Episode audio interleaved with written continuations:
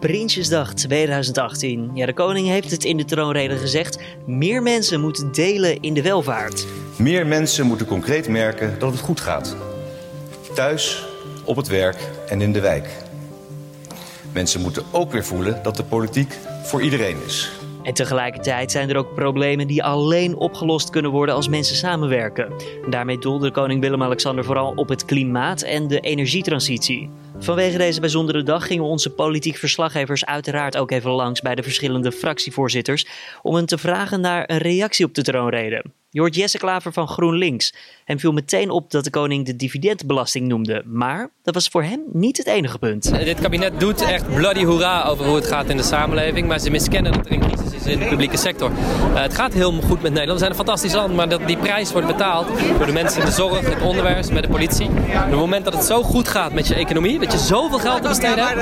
En je kiest er niet voor om dat maximaal naar al die, die groepen te, te doen. Maar naar belastingkortingen voor het grote bedrijfsleven. Dan heb je het niet begrepen dan maak je verkeerde keuzes. En Lodewijk Asscher van de PvdA, die noemde de troonrede pijnlijk.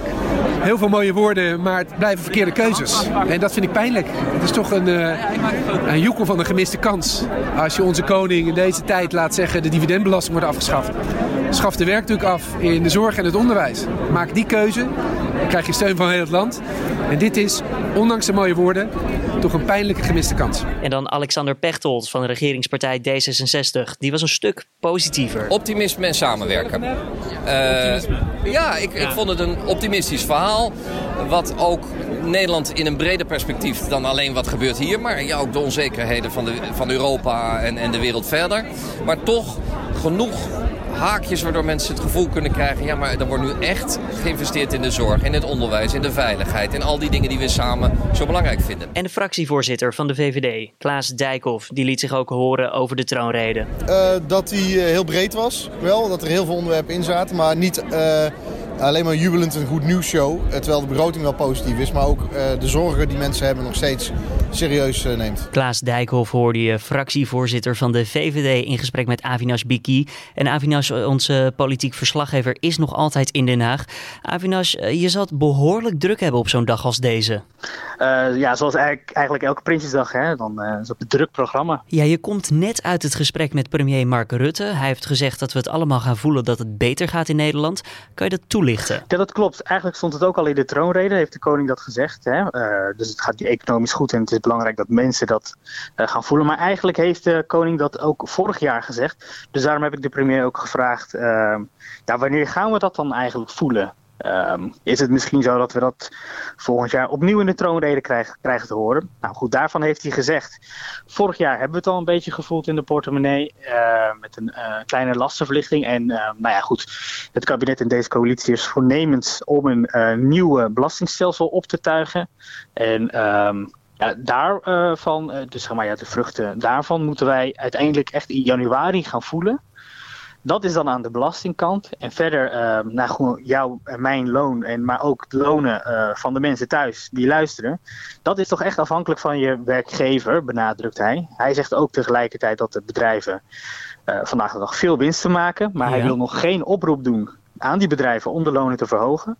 Hij ziet al wel stiekem dat, uh, ja, dat de lonen wel langzaamaan omhoog gaan.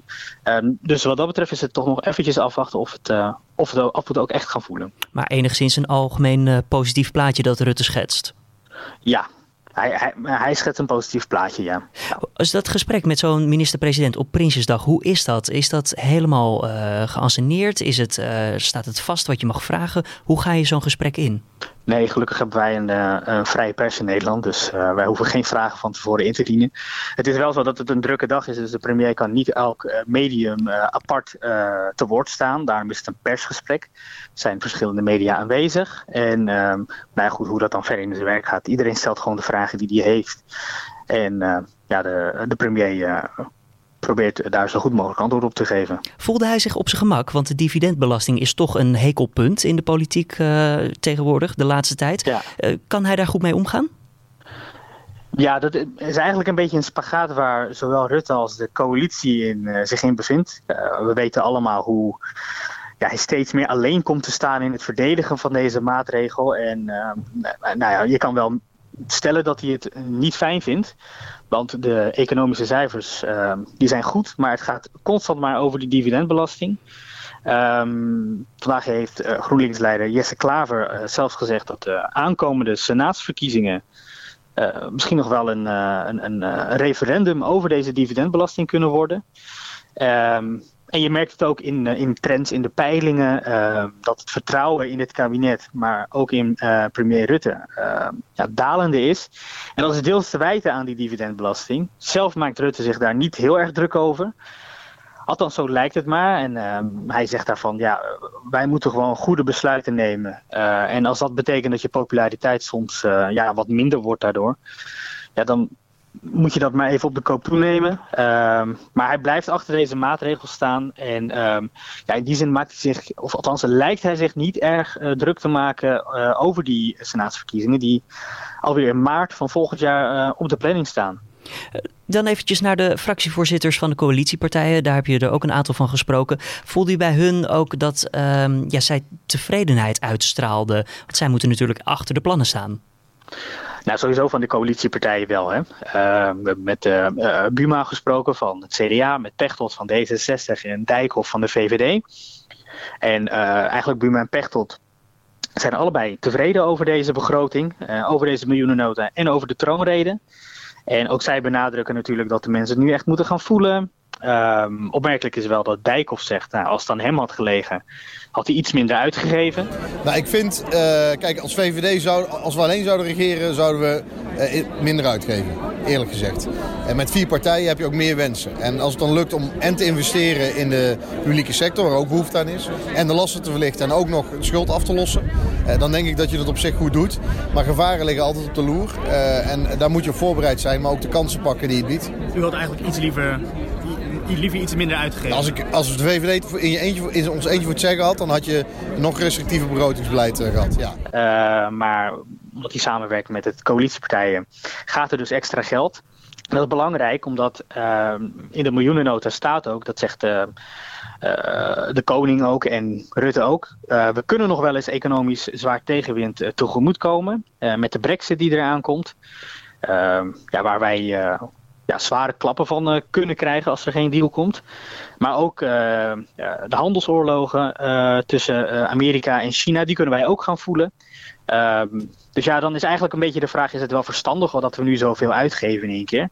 Als we ook weten dat ja, toch wel onzekere tijden tegemoet gaan, economisch gezien. Dan heb je nog de oppositie. Ehm, die vindt op zijn beurt weer dat er te weinig wordt uitgegeven. Daar moet veel meer bij. Welke partij was het meest kritisch? Nou ja, goed, eigenlijk alle oppositiepartijen waren wel kritisch. Je, je, de, de gebruikelijke drie, de GroenLinks, uh, PvdA en de SP, die vinden dat er te weinig uh, wordt uitgegeven. GroenLinks, ja, je weet het al, die is bezig met een kantinetour geweest. Die werpt zich nu uh, op als uh, de hoeder van de publieke sector. Dus die vindt dat de agenten er nog meer bij moeten krijgen. De salarissen van de basisschoolleraren omhoog moeten. En in de zorg moet ook alles omhoog. Um, dat vindt ook de SP. En zij koppelen eigenlijk alles aan die dividendbelasting. Um, je weet, uh, daar is, uh, dat is een korting van 2 miljard. Um, en zij zeggen, ja, die 2 miljard uh, die kun je liever uitgeven aan, aan inderdaad, die publieke sector. Dus dat is een beetje hun verhaal. Zij zeggen, ja, economisch lijkt het wel goed te gaan, maar het gaat eigenlijk helemaal niet zo goed.